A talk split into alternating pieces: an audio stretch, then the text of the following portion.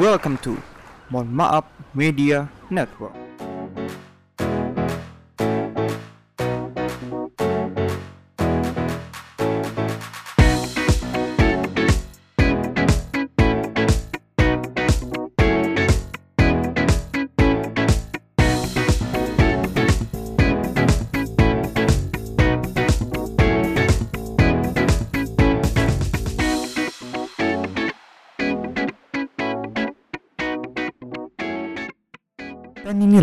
Satu-satunya podcast di Indonesia yang minta maaf sebelum barbar.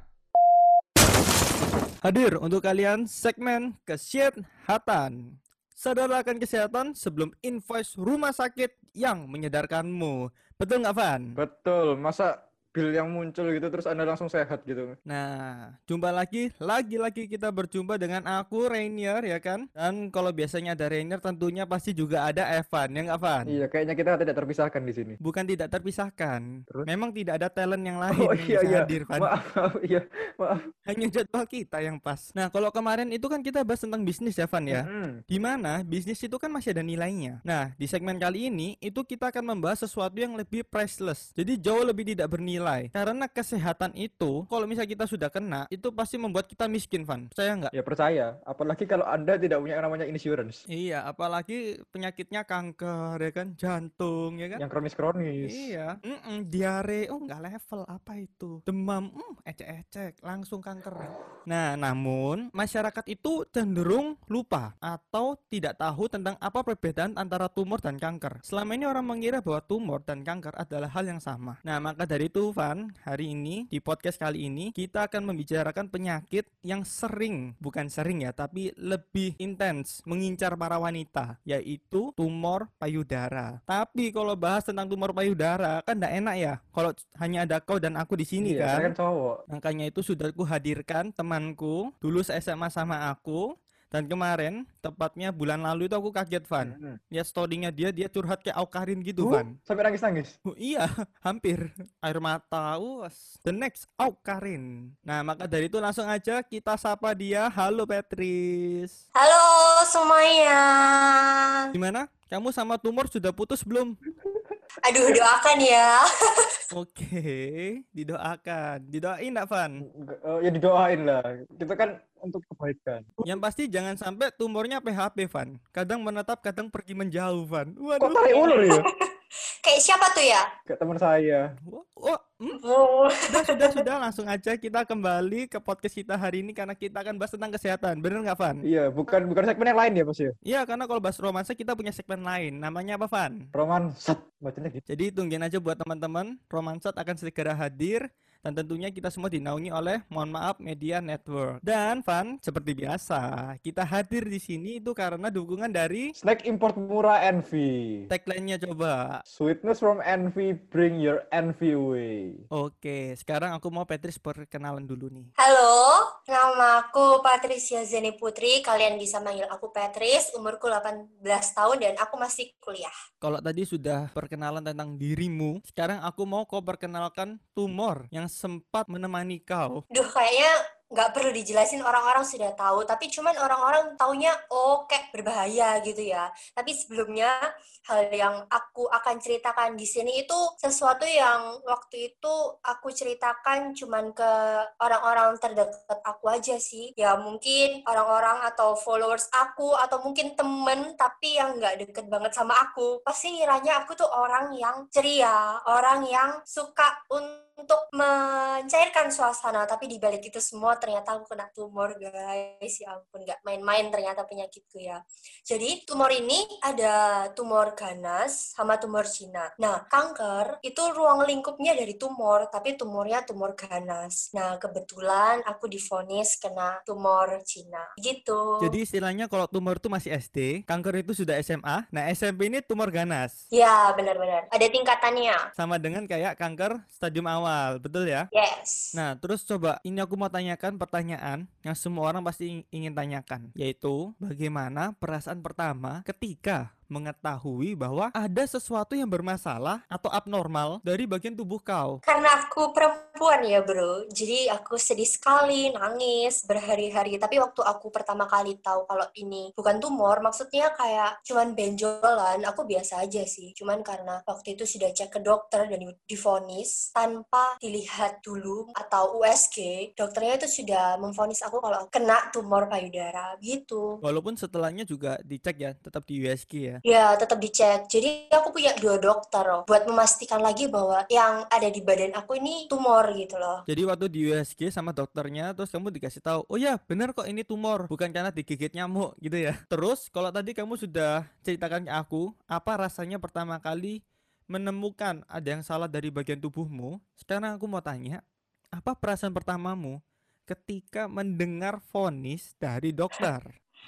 Aku langsung di otakku langsung bilang, aduh aku mati cepet kali ya kalau aku punya penyakit ini. Beneran, kayak gitu di otakku sudah ada kayak gitu ya ampun. Cuman kalau aku terus-terusan ada di pikiran yang kayak gitu, ya aku benar-benar pengen mati. Tapi nggak bisa gitu loh. Aku masih punya hidup yang lebih panjang. Dan Hmm. aku masih punya goals-goalsku yang belum aku sampai ke tujuannya gitu loh. Nah, Pet, terus setelah kamu mendengar pertama kali vonis dari dokter, itu kan kayak kamu merasa seakan-akan dunia akan runtuh, ya kan?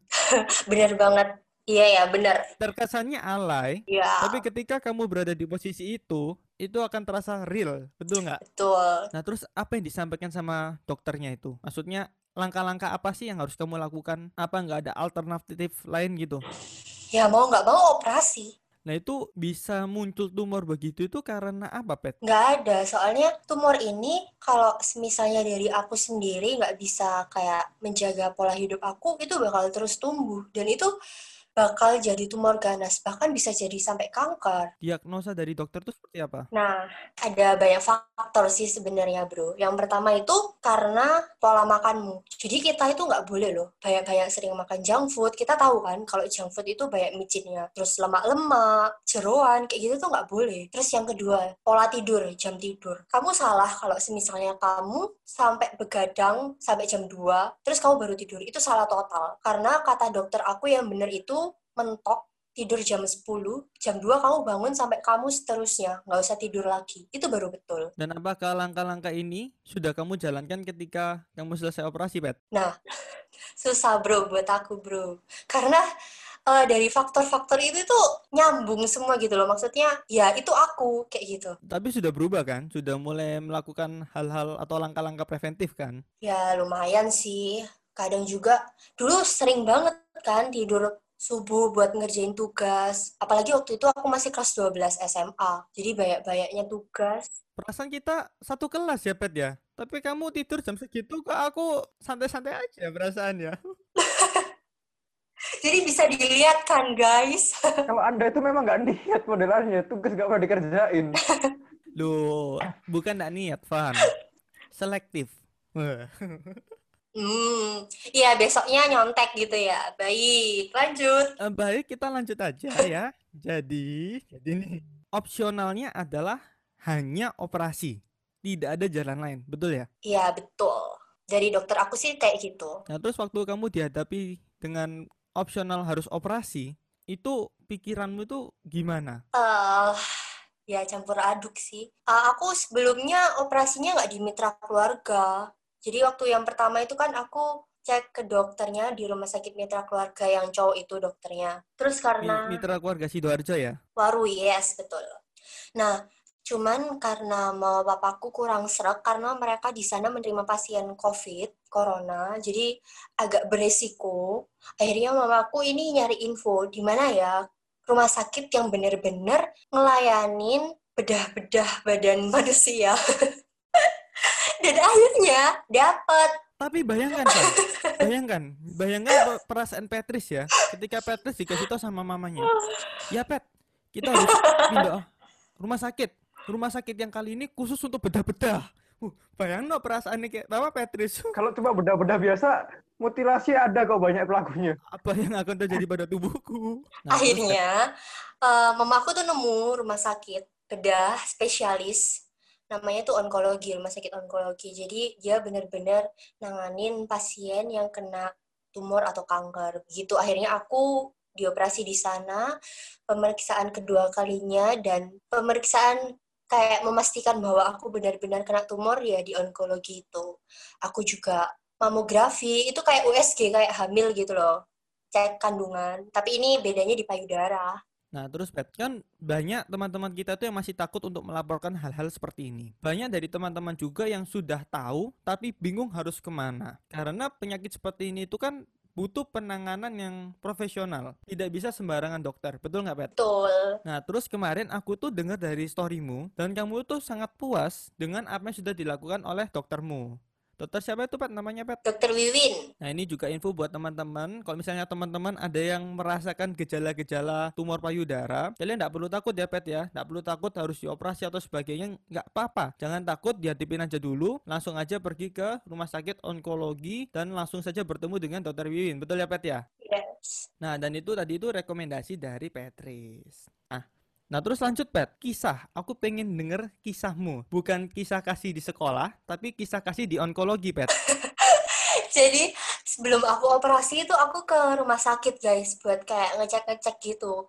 Disuntik, diambil darahnya, aku ketemu sama dokter anestesiku, ditanyain aku punya alergi apa, terus aku bisa nggak kalau pakai obat ini kayak gitu. Dan aku tipe orang yang takut sama jarum. Jadi apa-apa sebelum ditusuk sama susternya aku selalu bilang, "Sus, maaf ya kalau aku nangis." dan mereka tuh cuman ketawa dan aku itu deg-degan di situ guys bayangin seorang Petris yang kerjaannya ketawa ketiwi di sekolah itu bisa takut sama jarum Cerita dong, Pet. Dokter Wiwin itu gimana, Pet? nah jadi waktu aku sesudah ketemu dokter anestesi aku cek-cek darah nah tujuannya cek darah ini untuk tahu aku apakah hatiku itu bagus, hati yang di dalam tubuh nih ya, atau aku punya masalah apa. Nah, itu diceknya dari darah gitu.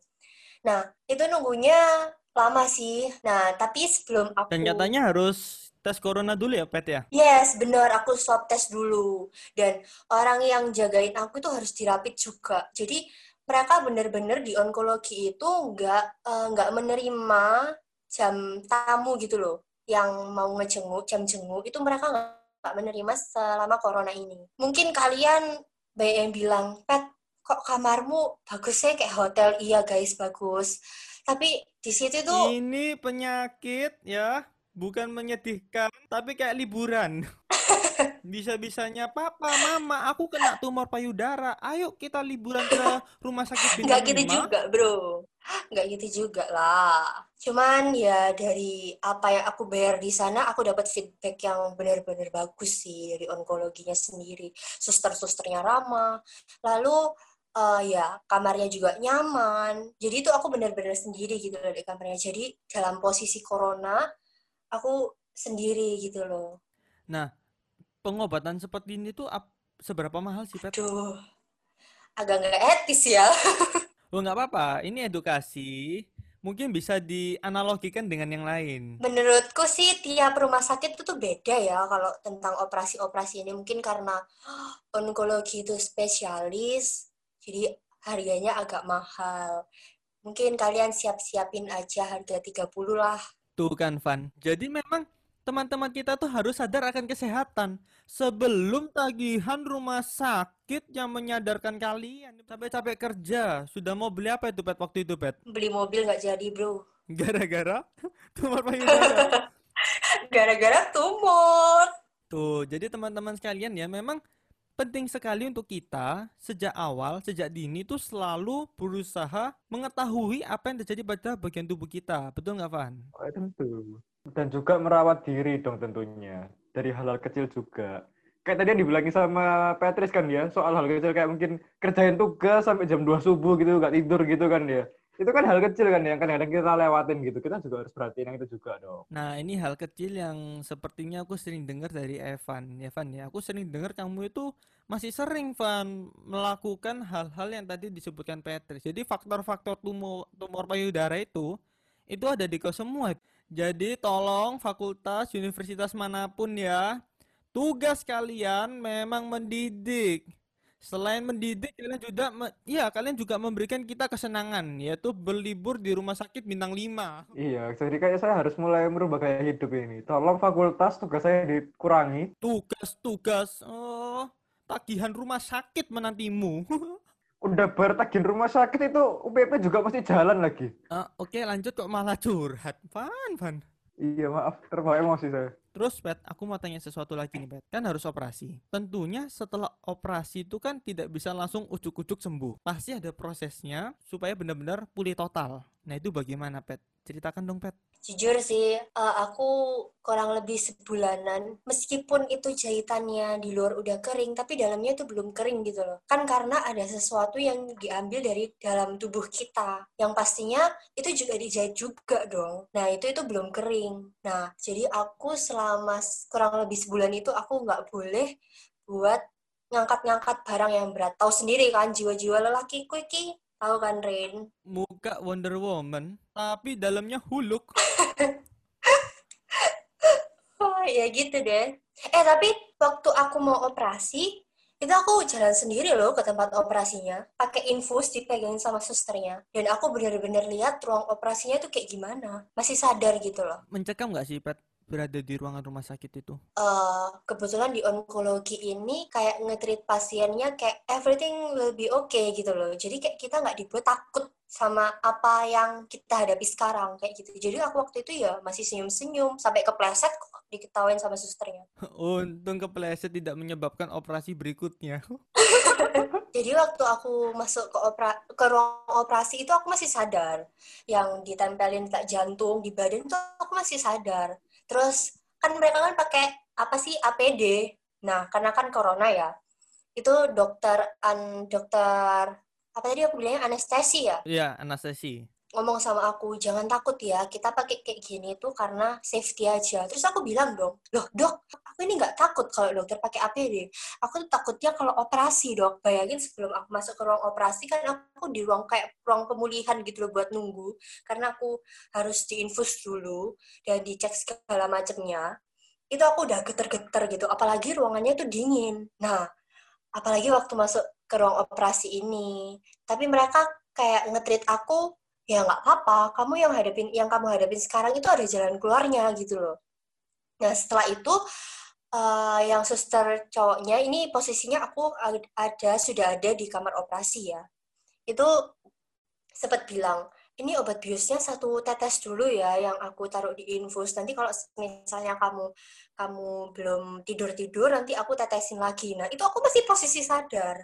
Dan aku jalan sendiri aku tidur sendiri di tempat tidur ruang operasinya. Aku ngerti di atas tuh ada lampu, terus tanganku disuruh kayak mau disalip gitu loh. Disuruhnya kayak gitu. Terus tiba-tiba nggak sadar deh. Terus keluar-keluar, aku sudah dioperasi, sudah ada bekas jahitannya di payudaraku sebelah kanan. Kabarnya itu sempat aku dengar di snapgrammu itu bahwa benjolannya itu seharusnya itu ada di kiri dan kanan ya, Pet ya? eh sebenarnya ini loh, apa tumor payudara sama kelenjar susu, eh kelenjar payudara. Kelenjar payudara itu nggak bisa dibedain cuman dengan tangan kosong gitu loh. Jadi buat memastikannya lagi, yaitu di USG. Oke, jadi ada benjolan itu bukan berarti langsung tumor, Pet ya? Ya, aku aku juga sebelumnya mikir kalau misalnya, aduh masa aku tumor sih, aku mens juga masih lancar gitu loh, aku mens juga rutin kayak gitu. Dan kalau misalnya buat cewek kalau mens kan biasanya payudaranya sakit gitu kan, itu sesuatu yang normal gitu loh, yang wajar. Tapi ternyata ya Tuhan berkehendak lain, mau gimana lagi? Ya, jadi buat teman-teman itu nggak usah takut kalau ada benjolan tuh jangan langsung berpikir langsung wah ini kanker nih, wah ini tumor nih. Enggak, enggak. Tumor dan kanker tuh tidak datang secepat itu dan segampang itu kok teman-teman. Nah, kalau dari dokternya itu langkah-langkah apa sih Pet yang harus dilakukan buat teman-teman kita ini yang belum terkena? Eh, mereka sih menyarankan periksa payudara secara mandiri atau biasanya yang disebut dengan sadari. Itu gampang kok caranya. Kalian bisa lihat di YouTube, di internet banyak kok. Ya, jadi buat teman-teman khususnya para perempuan silakan dicek di YouTube cara memeriksa bagian tubuhmu sendiri karena itu akan sangat berguna bagi kau supaya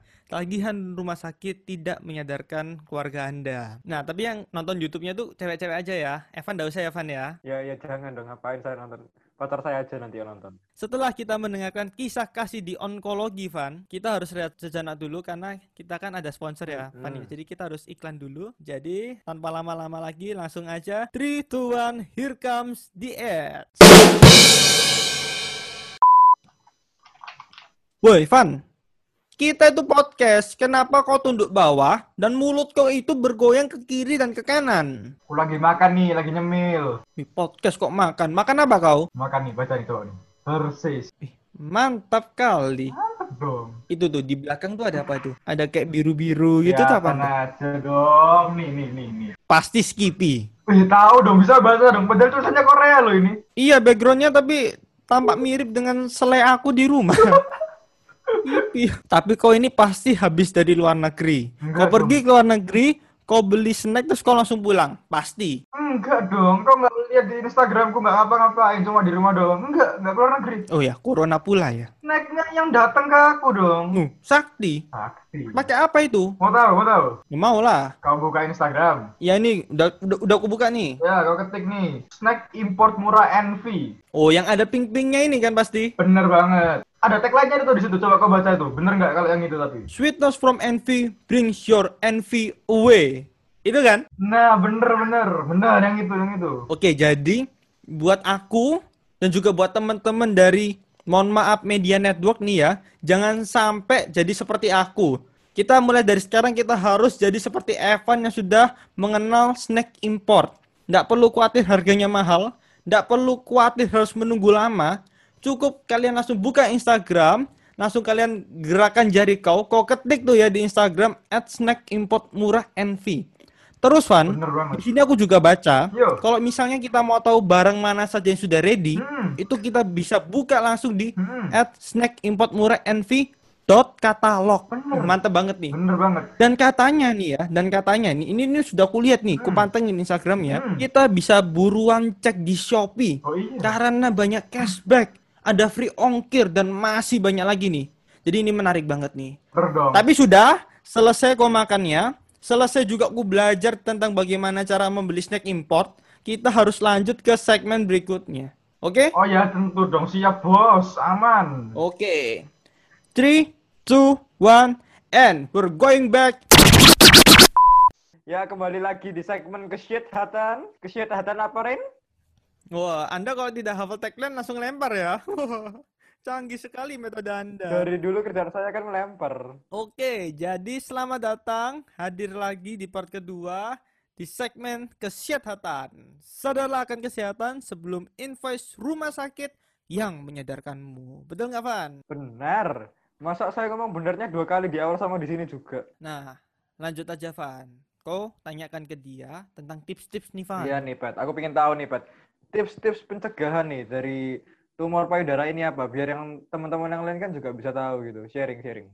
Nah, kalau dari aku sih, yaitu kalian harus menjaga pola tidur, pola makan, banyakin sayur, terus rajin olahraga, terus kalian eh, kayak apa sih nambah-nambah info lah tentang gimana sih kok bisa ada tumor gitu, kayak gitu sih. Kalau aku sih dari aku kayak gitu. Kalau tadi tips pencegahan, sekarang tips tips bagi mereka yang sudah mungkin terkena gejala-gejalanya. Eh ya itu sih ya, kalian harus ngecek payudara kalian sendiri secara mandiri loh ya. Nah, habis dicek secara mandiri, Mandirinya kok semangat ya? Itu emphasizing. kalau semisalnya kalian ngerasa kalau kalian punya benjolan, ya cepet-cepet ke dokter. Karena kalau kalian ngediemin itu, itu bisa jadi ke tumor ganas dan kanker. Aku sempet loh waktu itu, eh, sebelum aku operasi ya, aku tuh sempat komen di YouTube. Di YouTube itu kontennya tentang dia cerita tentang kena tumor payudara. Dan aku sharing pengalamanku di situ. Dan ternyata temen-temenku itu ngelihat aku komen itu. Akhirnya dia dia ngechat aku tanya lo pet kok kamu bisa kena itu dan dia ternyata sudah sadar kalau punya benjolan tuh sejak ti- tiga tahun yang lalu. At least itu umurnya 15 tahun bro. Lebih muda daripada aku kena sekarang gitu loh. Dan itu merupakan sesuatu nilai yang nggak bisa nggak bisa aku bayar dengan hal apa pun gitu loh aku sharing gini. Nah semoga dengan aku sharing kayak gini kalian juga lebih aware lebih kayak oh ternyata penting ya ngecek payudara sendiri itu ada benjolan apa enggak. Nah karena selama ini teman aku selama tiga tahun itu nggak bilang ke orang tuanya. Dan baru bilang waktu dia lihat komen aku di YouTube gitu loh. Tapi aku yakin aku, Evan, dan semua pendengar dari podcast ini itu pasti menilai bahwa mentalmu itu bagus, Pet. Menilai bahwa mentalmu itu kuat. Nah, untuk mencapai mental yang kuat itu kan tidak sesimpel itu dan tidak segampang itu. Betul nggak, Pet? Betul banget. Ya, seperti suara-suara robot ya. Bisa dipastikan internetnya pasti tidak bagus lagi. Nah, karena mental kau itu bagus, karena mental kau itu kuat ya, Pet ya. Aku mau tanya, tips menguatkan mental itu bagaimana? Kalau dari aku sendiri mentalku kuat juga enggak juga sih karena aku sempat mikir ya, sempat mikir kok nggak ada gunanya ya aku hidup kayak gitu. Bener-bener sempat mikir kayak gitu. Cuman kayak gimana sih kalau aku terus ada di pikiran kayak gitu, aku juga nggak bakal bisa maju gitu loh. Aku mikir kalau aku nggak ada gunanya hidup tuh kayak ada atau nggak ada aku di dunia ini tuh kayak sama aja. Justru kalau ada aku, aku malah ngerepotin semua orang ngerepotin keluarga aku, ngerepotin teman-teman aku, ya meskipun mereka nggak bilang ke aku kalau aku tuh ngerepotin mereka. Nah, terus bagaimana cara menghadapi overthinking tersebut, Pet? Kalau dari aku sih, gimana caranya kita bisa positive, positive thinking, bro? Aku setelah mikir kayak gitu, aku kepikiran satu hal, kalau kita hidup di dunia ini tuh pasti punya tujuan. Tujuannya apa? Ya kita punya misi di dunia ini. Di mana misi tersebut itu berguna bagi orang lain, nggak cuman melulu buat diri kita gitu loh. Kita bermanfaat bagi, bermanfaat bagi orang lain. Aku sih mikirnya kayak gitu. Dan aku yakin misimu sekarang adalah kamu ingin buat semua wanita khususnya itu untuk lebih berani lagi, lebih mandiri lagi, dan tentunya aku yakin pasti kamu menginginkan agar para teman-teman wanitamu itu lebih berani speak up. Tapi aku mau tanya, Pet, apa sih pentingnya speak up itu? Penting banget ya ampun. Aku ini jujur loh. Aku tuh waktu itu uh, aku udah tahu nih kena tumor. Aku udah operasi juga nih masa-masa pemulihan. Tapi aku tuh bingung mau speak up di mana. Aku mendapatkan diri di Twitter gitu loh. Aku malu karena aku punya tumor gitu loh. Aku tuh malu bener-bener malu. Makanya aku nggak berani speak up, apalagi di Instagram waktu itu aku cerita karena itu di second accountku kan at least itu teman-teman yang benar-benar walah Patrice kayak gini ya gitu loh kan beda lagi kalau di first accountku yang banyak orang ribuan orang ratusan orang yang nggak aku kenal ngefollow aku gitu loh. Jadi ya waktu itu aku sempet bikin bikin tweet bikin tweet di Twitter dan itu banyak feedback dari teman-teman gitu loh. Kayak yang nge-DM aku tanya kak aku punya benjolan tapi aku takut orang tua aku kayak gitu. Nah itu masih banyak loh orang yang nggak berani buat bilang ke orang tuanya. Dan waktu itu aku aku kan main TikTok juga nih cuman scroll scroll aja sama udah dua kali atau tiga kali gitu. Itu kontennya tentang tumor payudara. Jadi dia jadi dia itu cerita kalau dia operasi. Jadi dia cerita terus banyak gitu yang komen. Sama kak aku juga punya benjolan tapi aku nggak berani buat bilang iya kak aku juga punya benjolan tapi aku juga nggak punya uang gitu dan aku ngerasa beruntung gitu loh aku tahu dan orang tua aku masih sanggup untuk bayarin itu gitu Poin menarik itu aku temukan pada kalimat terakhir. Kalau aku nggak punya uang gimana? Menurutmu bagaimana Petrus Pet? Semisalnya nih ada orang bernasib sama seperti kau, cuman ada perbedaan dari segi ekonomi Pet. Karena kan mengingat bahwa penyakit yang sekeluarga sama kanker, tumor ya kan. Itu kan level itu kan level-level penyakit bangsawan ya kan. Nah, itu terus bagaimana bagi teman-teman ini yang sudah kesulitan ekonomi, sudah ditambah dengan kesulitan tumor. Itu bagaimana, Pet? Ada ada saran enggak, Pet? Kalau aku sempat sempat sempat baca di itu ya di komen-komen YouTube ada yang pakai BPJS kayak gitu. Meskipun nggak 100% ditanggung BPJS, tidaknya lebih murah daripada harga operasiku gitu loh. Oh ya tentu, mengingat ada perbedaan rumah sakit, dokter spesialis, ya kan, kamar hotel, makanan hotel, ya kan. Nah, Pet, ini sekarang aku mau tanya pertanyaan terakhir ini, Pet. Oke? Aku minta kamu ceritakan ke teman-teman satu quote yang menjadi peganganmu selama kamu mengalami atau sedang berpacaran dengan tumormu itu, Pet? Iya, amit-amit berpacaran anjir. ganti, ganti. Untung putus ya. Untung putus. Bayangkan kalau langgeng. Naik jenjang ke tahap berikutnya nikah. Nikahnya? Aduh gak jadi. Aduh, kena nerf aku iki, San. Aku kena nerf berkali-kali Yus tadi. Gimana, Pet? Eh, kan tadi aku sempat bilang kan kalau aku misalnya mikir kalau aku nggak ada gunanya ya jadi aku berpegang teguh pada satu kalimat yang ada di otakku kalau aku itu dilahiri dilahirin ya itu punya tujuan selagi aku masih bisa hidup berarti aku masih punya misi gitu yang harus aku tuntasin dan aku yakin misi itu adalah sesuatu yang bermanfaat gitu loh buat orang lain nah di mana misiku ini ya ma ya gimana sih Ren ngomongnya tuh susah gitu loh intinya aku dilahirin tuh masih punya tujuan jadi aku nggak boleh buat putus asa Aku pikir pantang puasa. eh aku pantang puasa loh ya sebelum aku operasi Pantang makan. iya pantang makan Jadi pantang makannya itu sampai sekarang nggak sih, Pet? Apakah setelah operasi itu juga harus ada makanan-makanan yang dihindari? Atau ada pola-pola hidup yang harus diubah lagi? Atau memang sudah bisa berjalan seperti normal? sebenarnya kalau eh, apa sih pantang nggak ada ya dari dokternya bilang pantang nggak ada. Cuman harus mengurangi gitu loh. Terus berarti ini sekarang sudah normal ya, Pet ya? Sudah nggak ada gangguan lagi ya, Pet ya? nggak bisa nggak ada gangguan loh. Itu masih kemungkinan bisa tumbuh lagi. Oh, jadi yang namanya tumor payudara itu walaupun sudah terkena, sudah diangkat, itu masih bisa hadir lagi ya? iya tergantung pola hidupnya kita Jadi, mohon diingat teman-teman bahwa tumor itu dalam hubungan itu bisa kalian sambung-sambungkan dengan fucek boy. Wah, sudah dihilangkan, sudah ditendang, bisa hadir lagi dan menempel sama kita. Itu kan bahaya.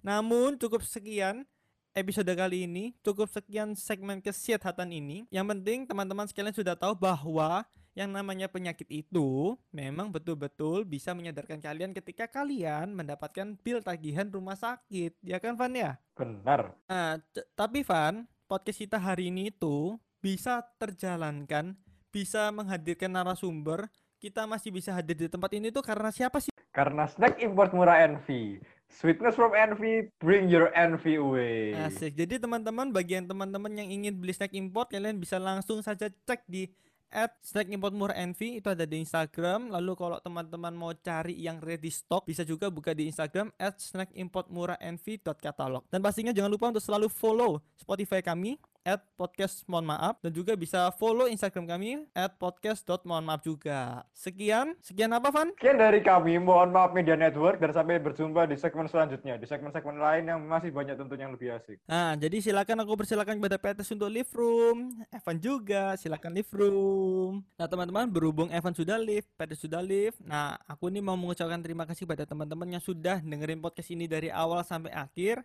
Namaku Renner, mohon maaf apabila ada salah-salah kata. Thank you and I'll see you when I see you.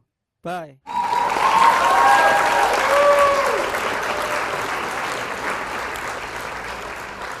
Welcome to Mohon Maaf Media Network.